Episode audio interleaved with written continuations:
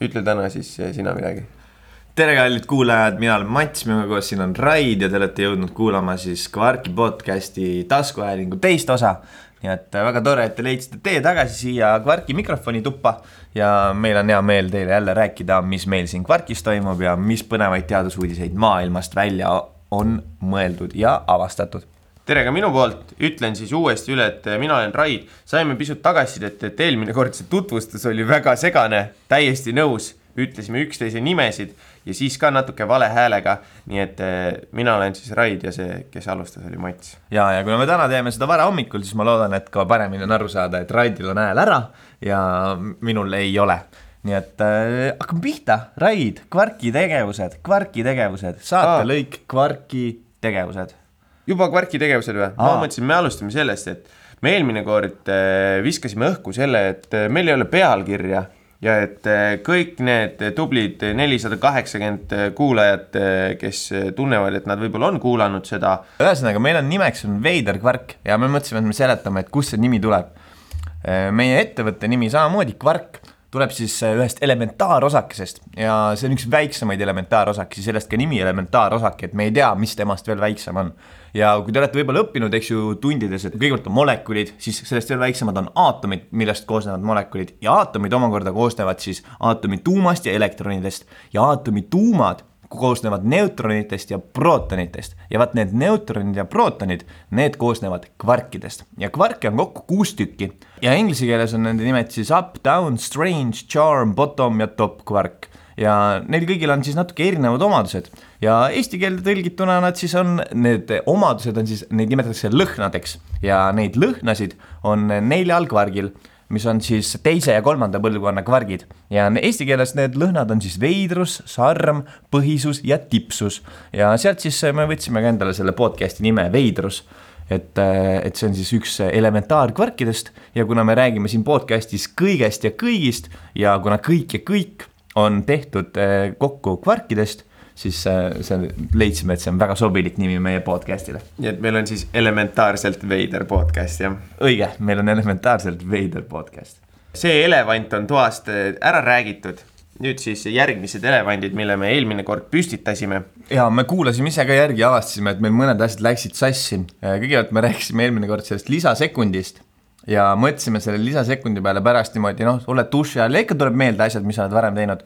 me saime aru, et meid sel, kui selle aasta lõpus meil see lahutatakse üks sekund. kui peaks juhtuma, see peaks ei, ole, ei ole mitte kellegi poolt kinnitatud meie enda väljamõeldis, et võiks ju juhtuda aga ehk siis, kui peaks lahutama, siis see, mis me ette lugesime, see oli see tavapärane sekundi lisamine. ühesõnaga viis, neli, kolm, kaks, üks, üks, null, head uut aastat. see on see tavapärane viis siis, kuidas pannakse üks sekund juurde.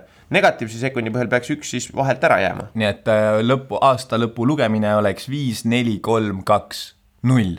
Head uut aastat! ja olekski uus aasta käes nii et äh, seda ajas reisimine oluliselt keerulisem, kui esmapilgul tundub, ei tasu sellega kiirustada.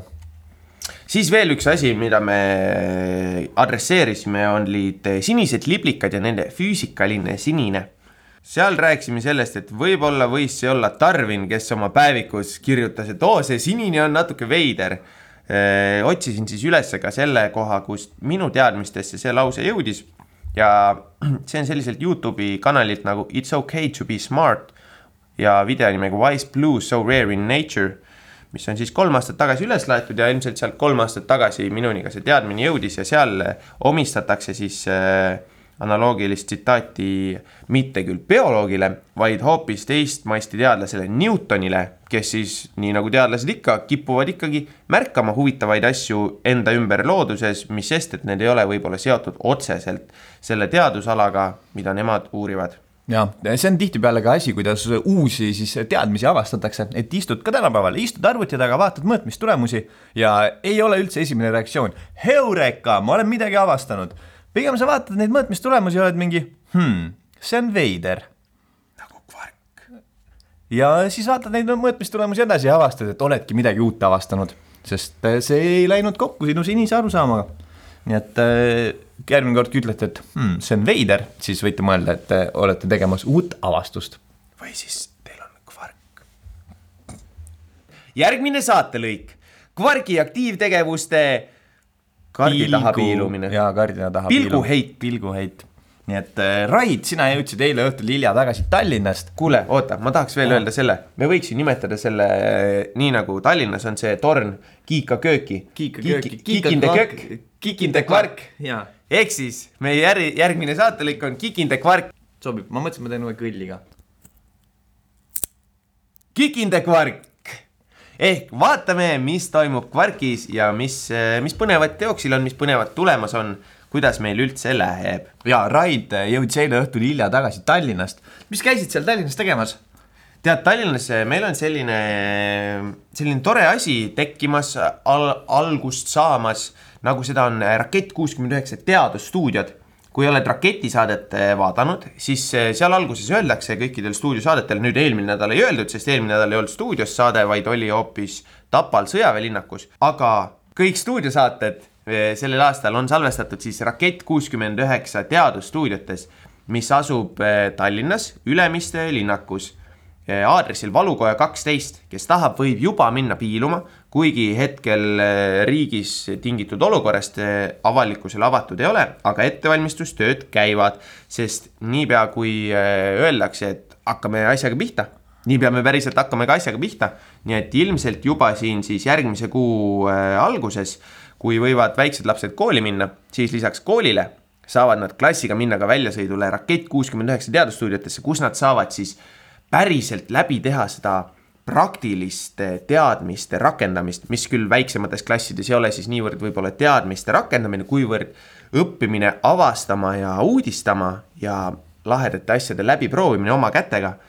Ja vanemates vanusegruppides siis, kui, kui peaks juhtuma see, et eh, meil on võimalus neid läbi viia, siis seal saame tõepoolest selliseid päris raketisaate ülesandeid läbi teha ka tavapäraste kooliõpilastega kas see tähendab seda, et kui mina vaatan kodus raketti ja vaatan, et oh, ülilahe ülesanne, tahaks ka proovida ja tahaks ka teada, saada kätte seda tunnet, mis on raketisaates võisteldes, siis äh, ma pean selleks minema raketi teadusstuudiosse ja seal saangi selle kogemuse kätte ja järgi proovida, kuidas raketisaate võistlejatel tunne on.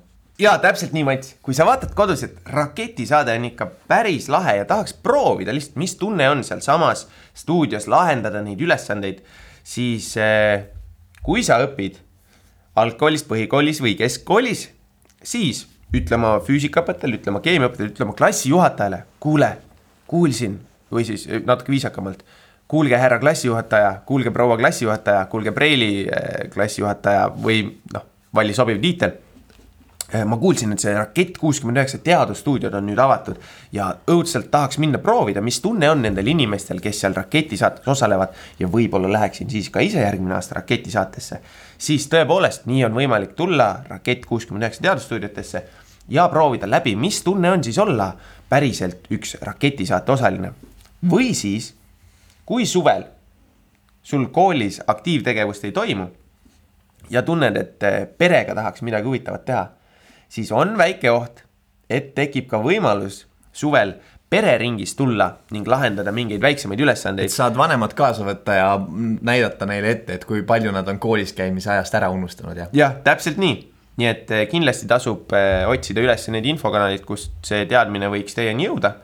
ehk siis ilmselt sotsiaalmeediast otsige üles Rakett kuuskümmend üheksa teadusstuudiot, vajutage sinna see nupp, mis lubab teil jälgida seda tegevust ja saategi teada, kui selline olukord peaks ennast esitlema teile väga põnev, mina igastahes olen põnevil, tulen esimesel võimalusel järgi proovima. eelmine nädal sa rääkisid nendest Quarki teadusteatri komplektidest ja ütlesid, et need on mitu kuud töös olnud ja täna me nendest komplektidest liiga palju ei räägi.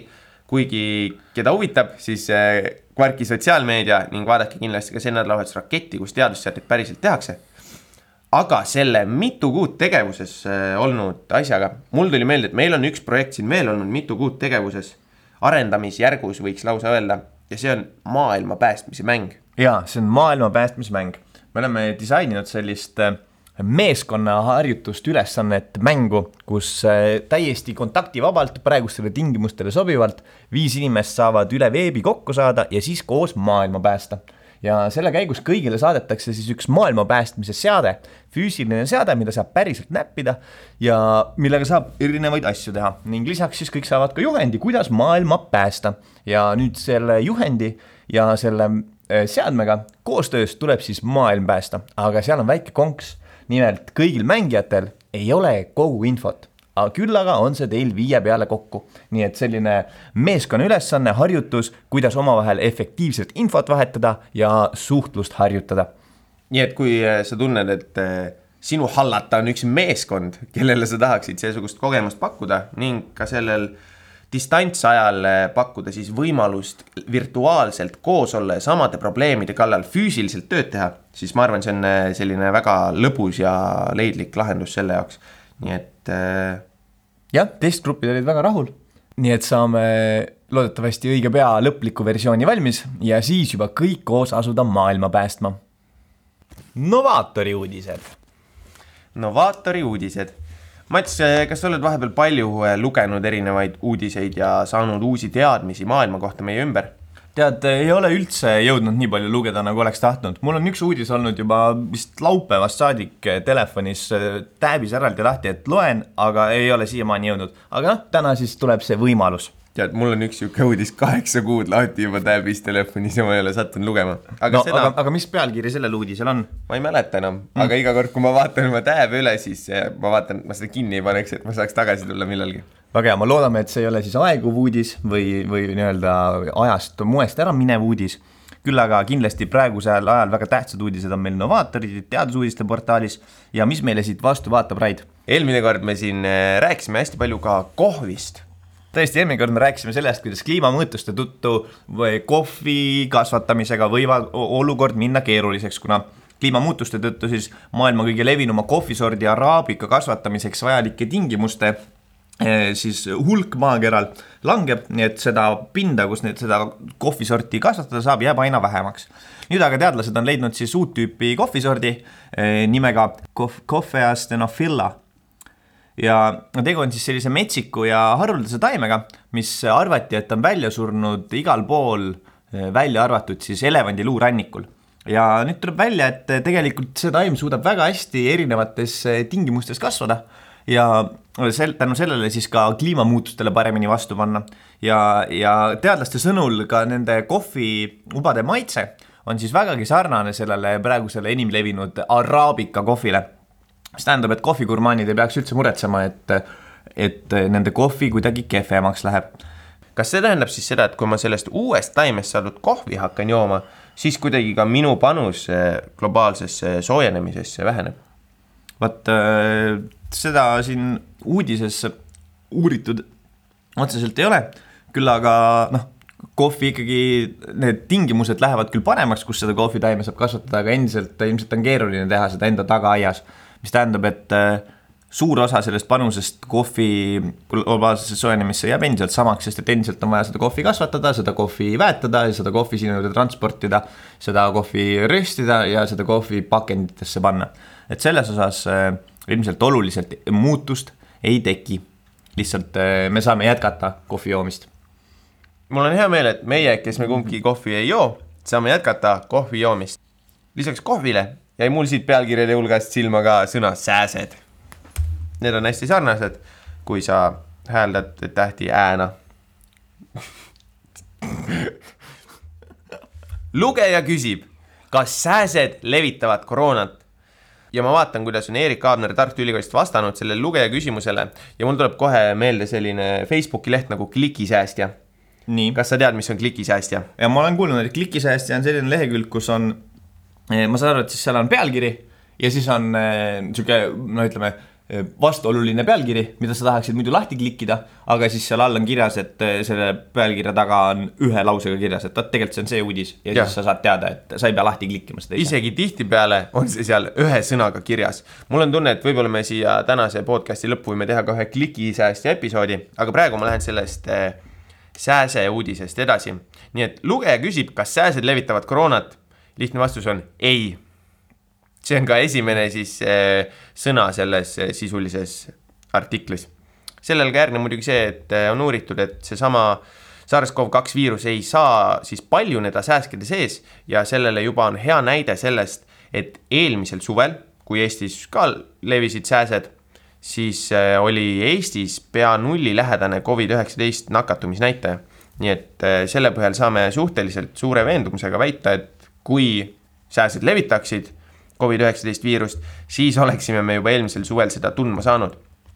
aga mis teeb veel sääse uudise huvitavaks, on see, et äh, kui me küsime kõigepealt, et kas sääsed levitavad koroonat, siis järgmise artikli pealkiri, mis mul ette hüppas, on see, et sääsed ilmuvad Eestis välja kahe nädala pärast.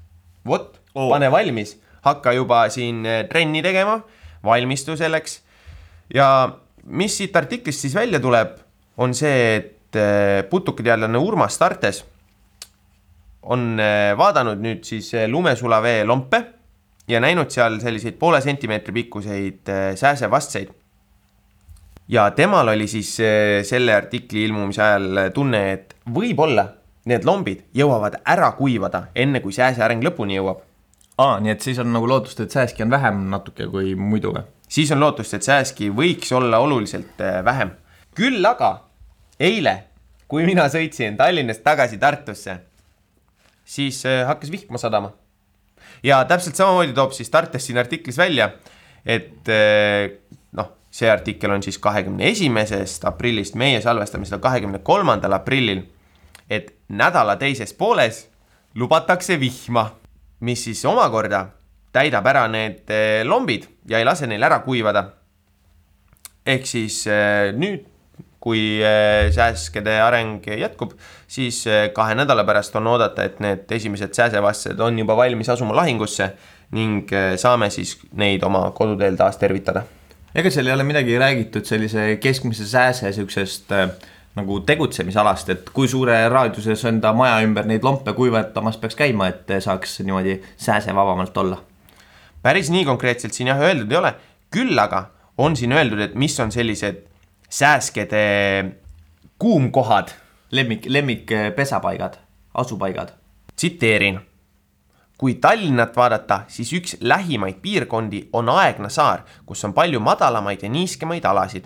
seal on vett ka väiksema sademete hulgaga, tõi ta näiteks. sääseparadiisidena nimetas ta veel näiteks Ruhnu saart ja Soomaad ehk vesisemaid madalaid kohti. ehk siis need on need kohad, kus sõltumata sellest, kas meil siin Tartus lombid kuivavad ära või mitte, siis seal suure tõenäosusega on sääski alati. kusjuures no,. nii panid tähele, et eh, me rääkisime Tallinnast ja siis Aegna saarest? jah, panin tõesti tähele, ma olen kohe nüüd huvitatud, et ma vaatan, võtan korra Maps'i lahti, vaatan, kui kaugel on Aegna saar Tallinnast. see on nüüd niisugune kahe otsaga asi, et sa võid vaadata, kui kaugel on Aegna saar Tallinnast, aga tegelikult on Aegna saar osa Tallinna südalinnast, kui me haldusjaotuse osast räägime nimelt eh, Aegna saar peaks minu teadmiste kohaselt olema Tallinna südalinna kõige suurem roheala. ehk siis, kui sa lähed ja otsid Viru keskuse kõrvalt suurt rohelist parki, siis sõida Viimsi poolsaare tippu, võta paat, sõua ennast Aegna saarele ja oledki kõige rohelisemas Tallinna südalinna osas jätan meelde, jätan kindlasti meelde selle, tundub oluliselt eh, põnevam pargikülastus kui see, mida on võimalik siis Viru keskuse ja Estonia vahel teha näed, otsisin kiirelt välja ka, parandan, mitte siis Tallinna süda, südalinn ei ole linnaosa, vaid Aegna kuulub siis administratiivselt Tallinna kesklinna linnaosa haldusalasse. kuigi siis eh, päriselt on vahet kümme kilomeetrit saare ja, ja linna kesklinnaga. Ma olen jah, väga huvitav fakt tänasesse päeva. minul on järgmine uudis, mis mulle siia ette jäi, kus, mille pealkirjaks on siis, et NASA-l õnnestus edukalt Marsil helikopterit lennutada ja see püüdis kohe minu uudishimu, kuna noh, helikopterid lendamiseks, neil on vaja sellist asja nagu õhk. helikopter lükkab ennast õhu pealt ülesse ja siis tänu sellele saab lennus pühid, püsida. aga minu senise teadmise kohaselt Marsil meil õhku väga palju ei olnud või atmosfääri kui sellist. ja siit uudisest tulebki siis välja, et Marsi atmosfäär äh,, midagi seal ikkagi on ja see on maa atmosfäärist sada korda hõredam, mis tähendab, et kui meil maa, maa peal äh, on õhus, ütleme mingis ruumiühikus sada õhuosakest, mille pealt helikopter saab ennast üles lükata, siis äh, Marsil on neid vaid üks, mistõttu siis nende selle helikopteri, noh, see tegelikkuses oli ülikerge ülikergetest materjalidest ehitatud kõrgtehnoloogiline droon, mis lendas kolme meetri kõrgusele, pööras ennast ümber ja maandus uuesti, siis äh, kas pööras ümber, pööras nagu tagurpidi või? ei, ta pööras nagu noh, näitas seal saba ja nokk nagu vaheldasid äh, kohad. aa, selge. ja, ja, ja siis maandus uuesti ja selleks tema siis äh, need äh, labad pöörlesid kaks tuhat viissada pööret minutis, mis on äh, äärmiselt kiire, ligi kahe, kaheksa korda kiirem, kui samas sarnasel kopteril oleks vaja maa peal keerelda. lisaks sellele, et sa tõid välja, et Marsi atmosfäär on sada korda hõredam, siis tegelikult on eh, selle kopteri poolt veel üks asjaolu. nimelt eh, Marsi peal olev gravitatsioonijõud on umbes kaks ja pool korda väiksem kui maa peal. mis tähendab, et kuigi tal on vähem atmosfääri, millest ennast üles lükata, siis tegelikult on tal ka väiksem raskusjõud, mille vastu ta peab võitlema. nii et eh, üks-üks praegu ja. atmosfääri ja kopteri vahel ja siin on ka tegelikult tähtis siis tuua välja, ma arvan, see punkt, et see väiksem, väiksem raskusjõud on tegelikult ka põhjus, miks atmosfäär on hõredam, kuna Maa ei tõmba ka atmosfääri nii kõvasti või noh, Maa, Mars ei tõmba ka enda atmosfääri nii kõvasti enda pihta. aga ilmselt see on ka seotud sellega, et kui palju üldse Marsi ümber seda atmosfääri tekkimiseks sobilikku gaasi üldse on ajalooliselt olnud. kas sa oled selle Marsi kopteri kohta varasemalt ka midagi kuulnud või uurinud? sest et eh, mul on jäänud silma üks eh, video, kus räägiti sellest siis, kuidas seda testiti. Ei, mina ei ole varasemalt selle kohta midagi kuulnud, mina nägin seda uudist ja mõtlesin kohe, et väga põnev. mõned kuud tagasi, võib-olla lausa sihuke pool aastat tagasi, ehk siis siis, kui see missioon ei olnud veel maa peal startinudki siis äh, tegi ka üks selline populaarne Youtuber sellest video, kus ta natukene lahkas seda probleemi.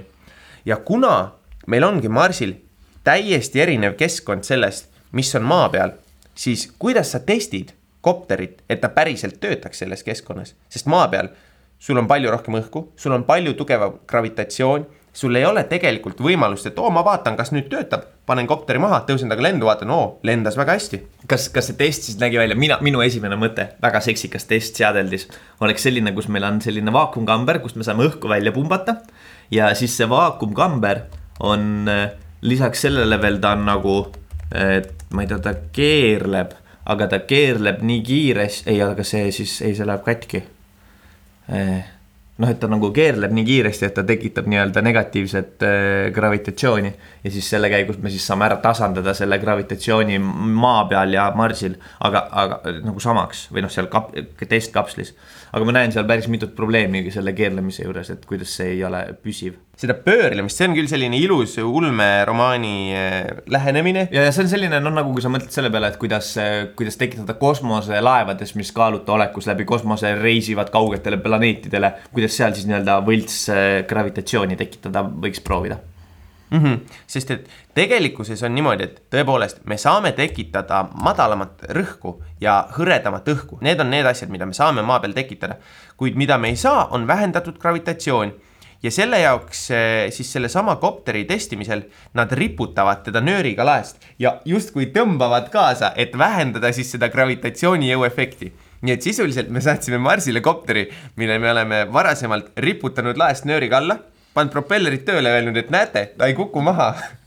Ja siis äh, selle teadmise ja teoreetiliste taustateadmiste pealt me läksime selle kopteriga Marsile ja, ja lootsime, et ta lendab. ja nüüd ta lendas seal, mis on eh, perfektne näide sellest, kui vägev on matemaatika ja, ja, ja see nagu noh, see arvutusvõimekus, mis meil inimestena on olemas, et me, kuidas me saame ennustada ette seda, mis tulevikus juhtub.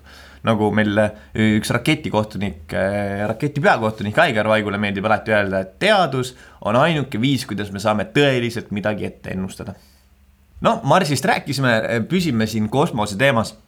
leidsin sellise uudise, mille pealkirjaks on kaugel planeedil võib sähvida virmalisi ja see pani mind jälle mõtlema, et noh, võib sähvida virmalisi. Ja minu esimene mõte oli see, et kuidas virmalised maa peal tekivad ja mis see siis tähendab selle kaugel planeedi kohta. virmalised tekivad siis selle tõttu, kui meie maa atmosfääri tungivad väga kõrge energiaga osakesed. Ja siis maa atmosfääris põrkuvad seal leiduva siis lämmastiku või hapniku molekulidega. Ja selle käigus siis annavad neile energiat ja nüüd need lämmastiku hapnikumolekulid tahavad selle energia kohe kiiresti ära anda, neil on ebamugav seal kõrgema energiaga olekus. ja siis, kui nad selle energia ära annavad, siis selle käigus nad kiirgavad valgust ja sellest siis sõltub, et mis värvi parasjagu need virmalised on, mis me näeme. ja, ja teine oluline tingimus on siis see magnetväli. ja see on ka põhjus, miks meil ei ole virmalisi näha eh, siis väikestel laiuskraadidel ekvaatori lähedal sest eh, seal maa magnetväli on tugevam ja need kõrge energiaga osakesed selle magnetvälja mõjul siis äh, tulist äh, nagu kantakse äh, maast mööda isegi või siis poolustele, kus neil on võimalik siis maa atmosfääri siseneda. ja see tekitas minus kohe küsimuse, et kas sellel kaugel planeedil on siis need virmalised tekitatud samasuguste tulemuste pärast või millegi muu. sest noh, kui mõelda, siis tegelikkuses peaks ju piisama ainult atmosfäärist, sest äh, need kõrge energia osakesed siis äh, tekitaksid virmalisi ka ekvaatori lähedal. ja kui ma nüüd siit äh, kiiresti loen, siis äh, selle planeedi avastas siis selline Euroopa põhjapoolses osas tegutsev raadioteleskoopide võrk LOFAR, mis on siis selline mitmekümnest raadioteleskoobist koosnev võrk. ja üks nendest siis tegutseb ka Lätis otse teisel pool Sõrve säärt. ja siis nemad leidsid enda üllatuseks siis selliseid ringpolariseeritud kiirguse märke mis tähendab, et raadiolainete elektri- ja magnetväli olid ilmaruumis levides spiraalselt keerelnud justkui korgitõmbaja ots või noh, kui te mõtlete veinipudeli avaja peale. ja siis sedasi, selliseid ringpolariseeritud laineid saab tulla ainult astronoomide teadaolevalt siis planeetidelt ja kõige põnevamad lained olid seejuures pärit siis sellisest kaksiktähesüsteemist nagu CR Draconis või Draconis, no oleneb siis, kuidas, kuidas öelda. ja seal on kaks punast kääbustähte, mis tiiru-, tiirutavad teineteise ümber ja nad on meist kuuekümne viie valgusaasta kaugusel. ja nüüd seda, see ringpolariseeritud kiirgus, mida nad nägid, meenutas teadlastele väga palju seda kiirgust, mida on nähtud ka meie päikesesüsteemi suurimal planeedil Jupiteril. ja Jupiterilt tuleb sellist kiirgust siis, kui seal sähvib virmalisi. Nii et eh, oht on, et ka siis sellel eh, CR Dragonise kaksiktähesüsteemil võib virmalisi näha ja tundub, et seal need virmalised siis ei, ei ole tekkinud üldsegi mitte sellest, et atmosfääri kõrge energiaga osakesed lendavad, vaid interakteeruvad hoopis millegi muuga. aga minu arust on väga huvitav jälle see teaduslik võrdlusmoment, et me vaatame, et oo, samasugune asi on Jupiteril ja kui Jupiterilt tuleb samasugust kiirgust, siis tavaliselt seal on virmalised, nii et võib-olla on ka seal et selline huvitavin, huvitav järeldus, oskus on see teaduse võlu. jah, muudkui aga ehitad enda seda pilti ja siis lõpuks saad panna kaks asja kokku, öelda, et kui nii oli, siis on ka ilmselt siin nii. jah, ma kerisin siin seda Novaatorit jälle natukene allapoole, nii et leidsin eelmise nädala uudise pealkirjaga Ülikoolid hoiatavad abituriente riigieksamitest loobumise eest. nimelt meil ju nüüd vahepeal oli eesti keele riigieksam Mats, kas sa tegid riigieksamit eh, sel nädalavahetusel? mina ei teinud sel nädalavahetusel eh, eesti keele riigieksamit. kas, kas, miks küsid, kas, kas on lekkinud infot selle kohta, et justkui olen uuesti gümnaasiumi tee jalge alla võtnud? tegelikult tead, sa ei saanudki teha seda nädalavahetusel, sest et nädalavahetusel ei tehta riigieksamit. küll aga selle aasta eesti keele eksami lugemise osas oli valida nelja variandi vahel. esimese variandi ülesanded tuginesid Kai Aareleidi novellile Valge kleit. teise variandi ülesandeid tuli lahendada siis Mehis Heinsaare novellide Juhtum koerus ja Müstiline õnn põhjal. kolmas variant oli, kolmas variant põhines Joosep Susi artiklile Tippspordi talutav igavus ning eh, Tarmo Jüristu arvamusloole Päevast päeva vastu hambaid neljandas variandis tuli ülesandeid lahendada siis Sandra Saare artikli Inimesed ei märka valeuudiseid. siis oli lisaks antud neile mingisugune joonis ja Jason Reifleriga tehtud intervjuu. või on Jason Reifler, äkki on eesti nimi? äkki on Jason. Eh, kui sa nüüd vaatad neid, eh, missuguse variandi valiksid? no kui neile peale vaadata, siis pean tunnistama, et eh, novellid Valge kleit, juht Tum koerus ja müstiline õnn on, õnn on täitsa tundmatud minu jaoks. nii et ilmselt võtaksin tippspordi talutav igavus ja päevast päeva vastu hambaid ja kirjutaksin siis ilmselt sellest, kuidas. kuidas tippsportis on, tippspordi roll minu elus on muutunud, väiksena sai seda vaadatud hommikust õhtuni iga kord, kui midagi käis, olin kohal ja nüüd äh, väga harva tead, mul on sulle veel äh, rõõmustav uudis. nimelt novell äh, on tegelikult lühijutt, et sa ei peagi neid ette teadma, vaid äh, ma usun, et nendes variantides olid siis need novellid sulle antudki ette, sest tegemist oli lugemisosaga. ehk siis sa saad need läbi lugeda ja selle põhjal küsimustele vastata.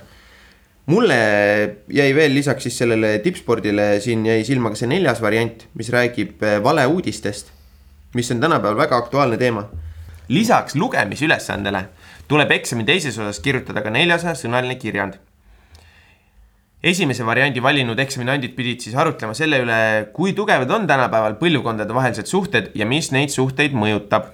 teise variandi kirjandis oli võimalus analüüsida, miks on suhtumine töötamisse ja puhkamisse muutunud. kolmanda variandi valinutel tuli käsitleda tippspordi häid ja halbu külgi. neljanda variandi ülesanne võimaldas arutleda, milline on valede mõju üksikinimesele ja ühiskonnale tervikuna kui tundub, nagu ma loeksin seda kõike maha, siis eh, ma ei ole hetkel veel viidanud, aga oleme Novaatori portaalist kolinud ERR-i uudisteportaali ja oleme hetkel artiklis Eesti keele riigieksam möödus vahejuhtumiteta. kui nüüd kuulasid neid nelja pealkirja, mille põhjal siis kirjutada tahaksid eh, kirjandit, kas valiksid ikka tippspordi? Ma arvan küll jah, ma tunnen ennast seal, ma arvan, kõige mugavamalt, ma oleks sihuke laiskirjutaja selles osas. ega mu eesti keele riigieksami tulemus ka väljendas seda, et ma olin laiskirjutaja, aga, aga ma arvan, et ma endiselt läheksin sama teed. mulle, mul on tunne, et mind ikkagi tõmbab natukene see neljas teema ka. ehk siis, eh, kus tuleks arutleda valede mõjust üksikinimesele ja ühiskonnale tervikuna. mis sa seal kirjutaksid? ma hakkasingi mõtlema, et Eh, kirjutaks nendest süütutest väikestest valgetest valedest, mida vahel niimoodi nalja pähe viskad õhku. ja, ja sellest, mis, missugused efektid neil siis võivad olla ka ühiskonnas, ehk siis minu jaoks on hästi naljakas vaadata seda, kuidas sotsiaalmeedia on tänapäeva maailmas muutunud millestki, mis ei olnud tõsiseltvõetav allikas, millekski, mille põhjal tehakse miljoni dollari suuruseid otsuseid et kui mõned aastad tagasi ma kujutasin ette, et ma võin ju kirjutada oma Facebooki seinale ükskõik mida. jah, mina ka kujutasin kümme aastat tagasi seda ette, olen sellest ajast saadik neid sealt oluliselt, hoogsalt kustutanud. ja, ja mitte ka sellepärast, eks ole, et ma, et kas ma peaksin häbenema või mitte häbenema, vaid eh, selle põhjal, et eh, minu peas, nii nagu mina koolis õppisin, siis sotsiaalmeedia ei ole mitte mingis maailmas tõsiseltvõetav allikas ja sellele ei tohiks eh, tugineda mingisugused tõsised järeldused. ja seepärast eh, ma ei näe ka probleemi, miks ma ei võiks eh, teha seal sõnavõtte, mis võib-olla ei ole absoluutselt A, tõesed või tõsiseltvõetavad, lihtsalt ütleme siis sotsiaalse eksperimendina, et näha, kuidas inimesed reageerivad. kuid kui tänapäeval võib-olla jõuab see kuidagi ka kasvõi ma ei tea, pangas minu laenuandjani, kes ütleb, et aga sa oled selliseid seisukohti öelnud ja sellepärast me sulle laenu ei anna, siis, äh, siis ma näen, et äh, see roll ka sellel sotsiaalmeedial ja sellel, mismoodi võib mõjuda üks väike siis vale, kas üksikinimesele või ühiskonnale tervikuna, on oluliselt muutunud. just läbi selle, et meil on tänapäeval see meedium neid erinevaid seisukohti, olgu nad tõesed või valed, levitada väga suurele vaatajaskonnale äh, mul jäi veel silma siin selline uudis, mille pealkirjaks on isejuhtiva ühistranspordi arengul on kaalukaid takistusi. ja need takistused on, need takistused on siin välja toodud, neid te võite kõik siit ise lugeda. mina tahaks rohkem tähelepanu juhtida siis sellele, et äh, kes siin seda intervjuud või noh, sellele siin küsimustele vastab. ja siin küsimuste vastajaks on siis Tallinna Tehnikaülikooli vanemteadur Ralf Martin Soe. ja, ja kui ma saan siit õigesti aru, siis äh, tema on praegu siis Targa linna tippkeskuse juht ja sellest targast linnast ma natukene võib-olla, kas targast linnast, aga sellest tippkeskusest, et äh, kuulajad, kes mõtlevad, et mis oma eluga edasi teha, siis äh, Tallinna linna, Ülemiste City ja Tart- ja TalTechi koostöös on siis äh, Ülemiste City's selline targa linna tippkeskus, kus siis uuritakse ja vaadatakse sügavuti sellesse, et milline peaks olema üks tulevikulinn ja milliseid siis, milliseid tehnoloogiaid seal saaks kasutada selleks, et eh, linnaelu mugavamaks teha ja erinevaid näiteid siis, mis seal, mis seal juba on nagu uuritud ja tehtud, on erinevad targad liiklusmärgid ja igasugune sensoorika, mis jälgib eh, inimeste liikumist. Ja Ülemiste City's selles osas on eh, realiseeritud juba näiteks siis selline parkimisrakendus, kus algoritmile söödeti sisse kõik siis turvakaamerate pildid, mis parasjagu siis parklat vaatavad ja selle, nende piltide siis pilditöötluse tulemusena see algoritm siis äh, kaardistab kõik parklad ära ning saab aru, kus on vabad ja kus on kinnised parkimiskohad.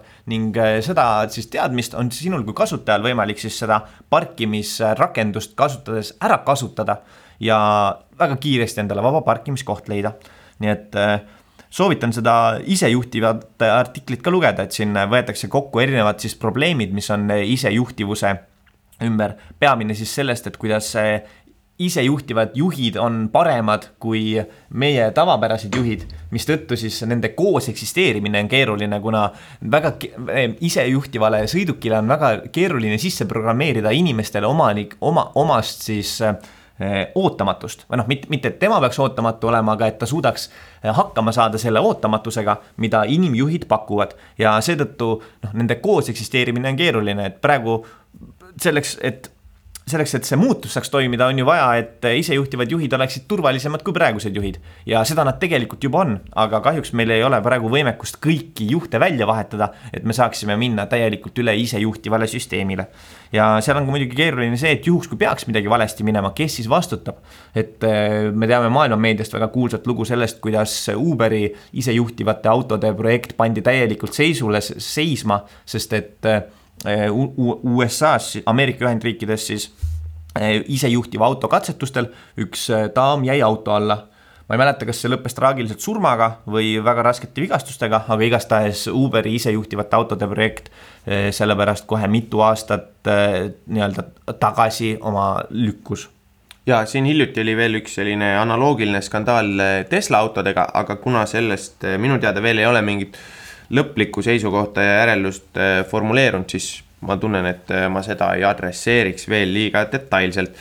kuule, aga Novaatorist oleme praegu lugenud küll ja ma tahaksin tutvustada sulle siis äh, sellist klikimasinat, nagu seda on klikisäästja, mille siis selline peamine lööklause, lööklause nende Facebooki lehel on loeme, et sina ei peaks ja ma arvan, et me võimegi siit lihtsalt mingeid hiljutisemaid niimoodi eh, kordamööda ette lugeda, et anda edasi seda, mismoodi töötab tänapäevane Eesti meedia, kuidas me esitame pealkirju ja mis on nende artiklite sisu.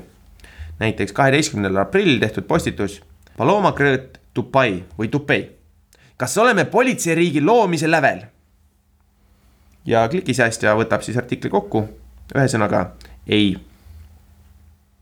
kümnes aprill klikisäästja postitus pärit Ärilehest pealkirjaga Venemaa analüütikud paljastasid šokeeriva numbri. täpselt nii palju venelasi on rahul oma palgaga. klikisäästja taaskord annab endast parima, et tuua meieni vaid oluline info ning võtab artikli kokku kahe erimärgiga. Need on siis üheksa ja protsendimärk. nii et äh, artikli sisu on siis üheksa protsenti. järgmine artikkel kaheksandast aprillist klikisäästja lehel politsei avaldas karmi avarii teinud Tiger Woodsi õnnetuse põhjuse, pärit spordimehe, spordimehe, Postimehe spordiportaalist. ja klikisäästja annab taaskord endast eh, parima ning võtab artikli kokku kahe sõnaga ületas kiirust. mis on tegelikkuses väga tähtis, miks kiirust ei tohiks ületada. nimelt eh, kiiruspiirangud võivad tunduda justkui lihtsalt, et need on määratud meile selle jaoks, et eh, noh oleks, oleks ebamugavam. et oleks ebamugav, jõuaksime aeglaselt kohale ja et või, või, või ka, et oleks nagu turvalisem sõita. aga põhjuseid, miks need kiiruspiirangud on põhi, põhi, määratud, on tegelikult mitmeid. üks nendest on seotud sellega, et kuidas meie juhtidena käitume ja meie seal kõige tähtsam osa on siis reaktsiooniaeg ja mida kiiremini sa sõidad siis seda vähe, väiksemaks jääb sinule eh, seda reaktsiooniaega selles osas, et eh, no ütleme, et kui keegi mida, midagi ootamatut tuleb teele, siis eh, kiiremini sõites see reaktsiooniaja, selle hetkeni, kui sa jõuad piduripedaali vajutada, su auto jõuab läbida oluliselt pikema kui siis, kui sa sõidad ilusti kiiruspiirangute piires. ja seetõttu siis on võimalik ohtlikke olukordi kergemini vältida teine äärmiselt tähtis põhjus, miks kiiruspiiranguid tuleks jälgida, on see, et kiiruspiirangud on sätestatud vastavalt sellele, kuidas on teed ehitatud. Teid ehitatakse ka vastavate siis spetsifikatsioonidega, mis siis määravad, määrab selle, kui kiiresti seal peal saab ohutult sõita. vaatan, sa oled võtnud lahti mingisuguse dokumendi. jaa, see on, on Riigi Teataja akti lisa, kus siis räägitakse täis- ja kesktelg Haagis lubatud suurimatest registrimassidest. ahah, okei okay., nüüd see on veel siis samm edasi. ma selleni jõuan. okei okay,, väga hea. teed on eh, tehtud konkreetsete kiiruste jaoks ja kui seda kiirust ületada, siis teed, no kurvis näiteks, need teed on ehitatud mingisuguse kindla kaldega. et eh, siis aidata autol või siis muul sõidukil seal kurvis pöörata. ja eh, kui nüüd kiirust ületada, siis see tee ei suuda enam seda kiiruse, seda pööramist kompenseerida ja on väga lihtne see kurv nii-öelda otseks või pikaks sõita ja ma lisaks sinna võib-olla veel kolmanda põhjusena on see, et kui peaks minema midagi valesti, siis eh, mida suurem on kiirus, seda suurem on ka tagajärg. ja mul tekkis siin üks päev mõte, eh, see oli siis sellel päeval, kui ma sõitsin Tartust Tallinnasse, mitte eile, kui ma sõitsin Tallinnast Tartusse. tekkis mõte, et mis oleks, kui me asendaksime kiiruspiirangud teedel kineetilise energia piiranguga ahah, ehk siis olenevalt sellest, et kui raske, ma näen, et tead, mis siis juhtuks? mootorratturid hakkaksid väga kiiresti sõitma mootorrattarid hakkaksid väga kiiresti sõitma, kuigi selles osas see nagu natukene töötab, et kineetiline energia sõltub teatavasti siis keha massist ehk siis sellest, kui palju kaalub mootorratas või auto, et võtame näiteks auto keskmiseks massiks kaks tonni ja mootorratta keskmiseks massiks kakssada kilogrammi, ma ei tea, kas no ja ütleme ja, ja, ja. ja siis võtame näiteks eh, rekka keskmiseks massiks kakskümmend tonni, siis meil on kõik siis on ilusad. suurusjärgid, jah. ja ehk siis see kineetiline energia sõltub keha massist ja keha kiiruse ruudust. ehk siis kaks korda kiirusest mitte kaks korda, no ütleme kiirusest ja siis veel kord kiirusest. kiirusest ja siis veel kord kiirusest. mis see siis tähendab, on see, et kui mul on kakssada kilogrammi kaaluv mootorratas ja kaks tonni kaaluv sõiduauto, siis nende massi erinevus on kümnekordne. ehk siis, kui nad liiguvad sama kiirusega, siis mootorratta kineetiline energia on kümme korda väiksem. See tähendab, et mootorratas võib natukene gaasi juurde vajutada, aga ta ei või sõita kümme korda kiiremini.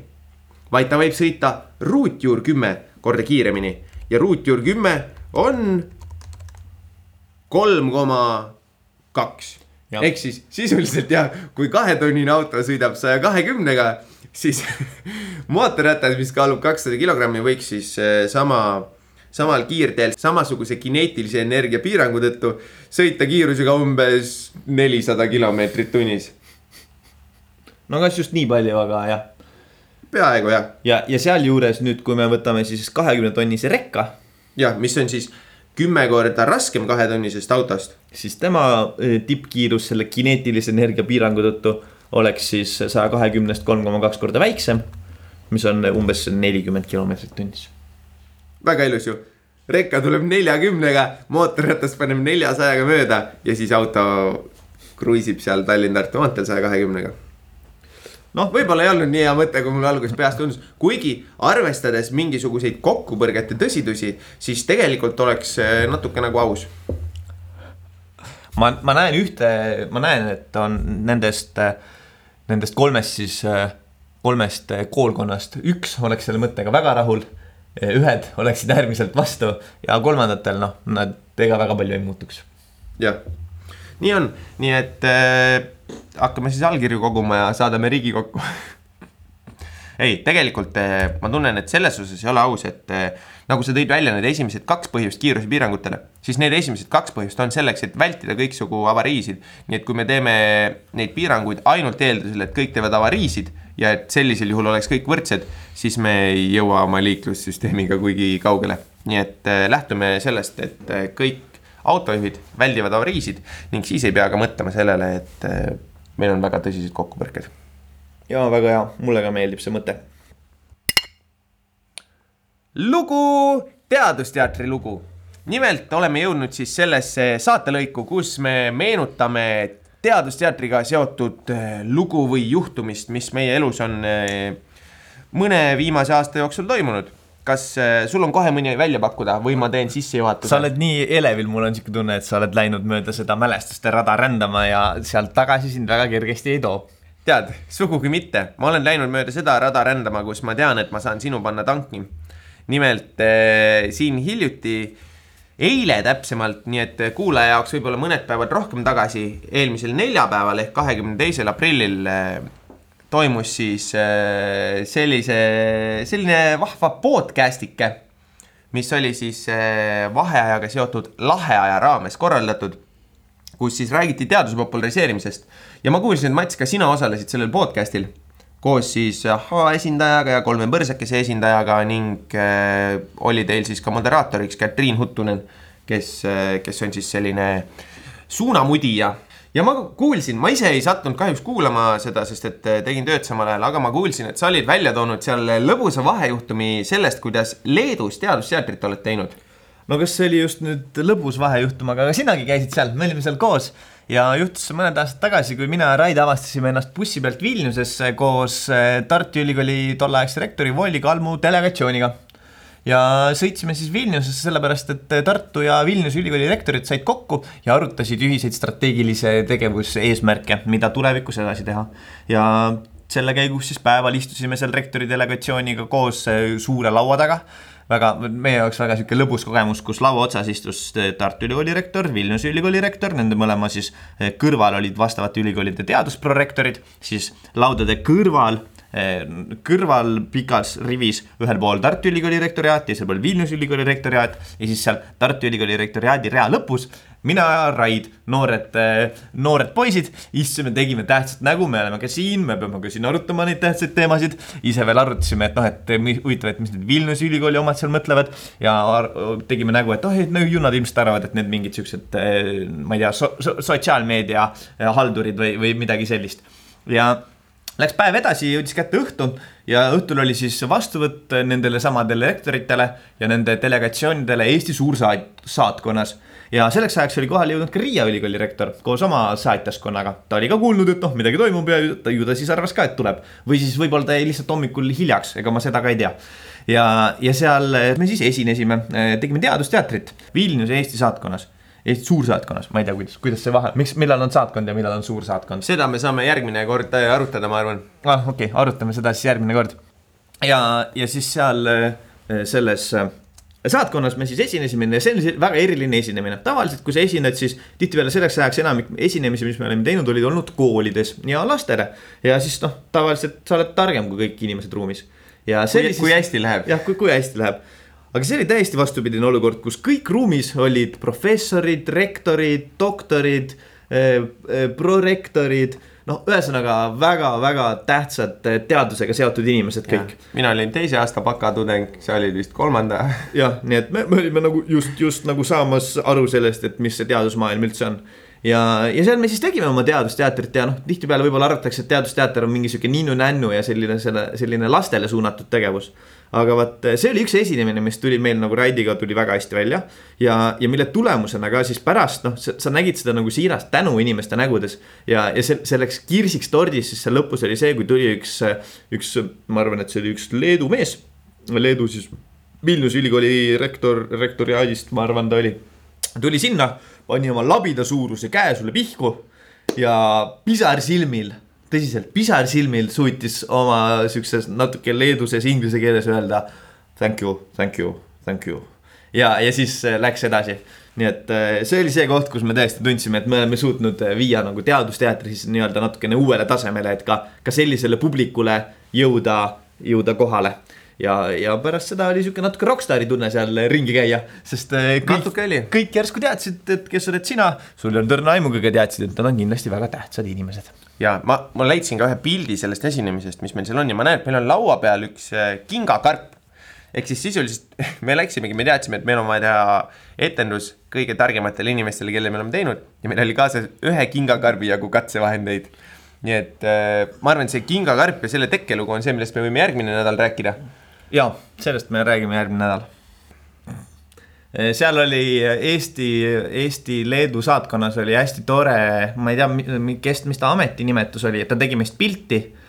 ta nimi oli, oli Egle, jah, nii et tervitame siinkohal Egle ja loodame, et temal on ka elus kõik hästi läinud. jah, ehk eh, lähme varsti siis külla ja teeme Vilniuse saatkonnas järjekordse etenduse. suured sõnad, suured plaanid. Nii, ja aeg minna meie viimase saatelõigu juurde viimane vaimustus. viimane vaimustus kõlab nii hästi. Nonii, viimane vaimustus siis. Eh, Raid, mis sa oled välja valinud enda viimaseks vaimustuseks või sa ei ole midagi välja valinud veel? tead, ma ütlen ausalt, mul see nädal sattus olema natukese kiirevõitu. nii et eh, kui ma enda sellist eh, ajalugu siis brauserist ja Youtube'ist kerin, siis seal on hästi palju sarnastest kolmnurkadest, vooluringidest ja erinevatest lennukitest ja natukene discgolfist ka, nii et tegelikult ma arvan, et eh, mis minu nädala vaimustus siis eh, võib-olla on, on selline, mida, mida internetiavarustest kahjuks eh, ei leia. ja mida on küllaltki raske võib-olla kõigil kohe kodus järgi kogeda, aga käisin mina hiljuti Männiku äh, diskgolfi rajal diskgolfi mängimas. alustasime kaheksandalt rajalt. neljateistkümnendal rajal võtsin äh, kotist enda kõige uuema ketta. see oli Kastaplasti Krimm, kui see kellelegi midagi ütleb neljateistkümnes rada jookseb siis Männiku karjääri kõrvalt niimoodi, et eh, sirgelt künka pealt vasakul lõpus on korv. mida mina tegin, oli see, et ma viskasin ketta sinna eh, karjääri kohale ja siis ta läks eh, veel paremale karjääri kohale, kuni üks hetk oli sulps ja sinna ta läks. aga siis selle kompenseerimiseks, kuna me alustasime kaheksandalt rajalt, siis me lõpetasime seitsmendal, siis seal seitsmendal tegin esimese viske vastu puud siis otsustasime, et teeme ühe viske veel, et vaatame, kuidas oleks võinud minna. ja siis suutsin visata ühe viskega otse korvi. nii et ma arvan, see on minu selline nädala vaimustus no,. kas sinul siis... oli vähe teaduslikum äh, vaimustus sellel Min, nädalal? minul oli jah vähe teaduslikum vaimustus, no see ilmtingimata ei olnud võib-olla sellel nädalal, aga ta natukene niimoodi sellel nädalal kummitas mind jälle ja, ja see on Youtube'ist, sinu torust ja, ja seal on selline kanal nagu Veritasium, mis siis äh, reklaamib ennast kui tõeelement ja tal on hiljuti olnud selline klipp, kus ta räägib sellest, et eh, miks me tegelikult ei ole kunagi mõõtnud valguse kiirust. Ja minu aju see väga pani nagu see kõditas seda igalt poolt ja, ja, ja, ja lihtsalt pani ilutulestikku seal mängima. ja ta räägib seal sellest, et kuidas noh, üks, üks nagu looduse, mm, loodusteadlaste üks levinumaid eh, konstante, üks levinumaid asju, mille põhjal me seame paika, kuidas maailm töötab, on valguse kiirus. ja me teame, et valguse kiirus on äh, kolm korda kümme astmes kaheksa meetrit sekundis. noh, tegelikkusest hästi natukene vähem nagu ja see nagu, aga praegu see ei ole tähtis. ja me teame, et äh, tavainimesele, kes kümneastmetes nii hästi ei orienteeru, siis kolmsada miljonit meetrit sekundis. jah, kolmsada miljonit meetrit sekundis ja ja, ja ta räägib seal sellest, et kuidas me tegelikult ei ole kunagi valguse kiirust mõõtnud. ja see algab sellest, et valguse kiirus kui selline meil on Einsteini relatiivsusteoorias lihtsalt defineeritud ja ta on mitte nagu äh, ühikuna, aga ta on defineeritud, et kõikides suundades levib valgus sama kiiresti. Aga tegelikult katseliselt meil ei ole olnud kunagi võimalust seda järgi proovida. mis tähendab seda, et näiteks kui me võtame Maa ja Marsi ja kui me saadame nüüd Marsile mingisuguse sõnumi ja ütleme, et see võtab aega kümme minutit sest et valguse kiirusel me saadame selle sõnumi ja ta liigub sinna kümme minutit, siis kümme minutit hiljem see sõnum on kohal. ja nüüd ta saadab selle meile tagasi ja kümne minuti pärast on see jälle meil. see on siis see näide sellest, et kuidas valguse kiirus kõikides suundades on samasugune. Marsile läks kümme minutit, tagasi tuli ka sõnum kümme minutit valguse kiirusel. Aga tegelikkuses me ei saa olla kindlad, et see ei tööta niimoodi, et meilt Marsile läheb sõnum kakskümmend minutit.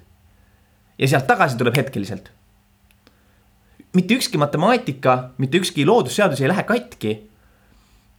kõik toimib endiselt. ehk siis me, me ei saa olla kindlad, et valguse levimine kõikides suundades toimub sama kiiresti. Ühesõnaga praegu sa mõtled seda sõnumi saatmist niimoodi, et me saadame ja see peegeldub kohe tagasi, mitte et keegi püüab selle kinni, ütleb, et tuli kümme minutit ja siis saadab uuesti ja, tagasi. ütleme, et seal on nagu arvuti, mis või, või peegel või. et saadame vastu peeglit ja tuleb tagasi ja,. jah, jah, jah, täpselt. ja, ja see tekitab olukorra, kus meil võib olla, et kui meie vaatame Marssi, me, meie näeme Marssi kakskümmend minutit äh, minevikus. aga Marsilt maad vaadates me näeme praegust hetke maal. Ja see kontseptsioon kui selline, see pani, ah, see, see oli minu jaoks väga põnev. nii et äh, soovitan vaadata äh, Veritasium ja Why no one has measured the speed of light ehk siis miks keegi ei ole kunagi mõõtnud valguse kiirust. ja kõik on mõõtnud ainult kahesuunalist valguse kiirust ja selliste kiirete uudistega siis täna vist eh, lõpetamegi. jah, kohtume järgmine kord, püsige uudishimulikud, küsige, miks. püsige uudishimulikud ja küsige Matsilt, miks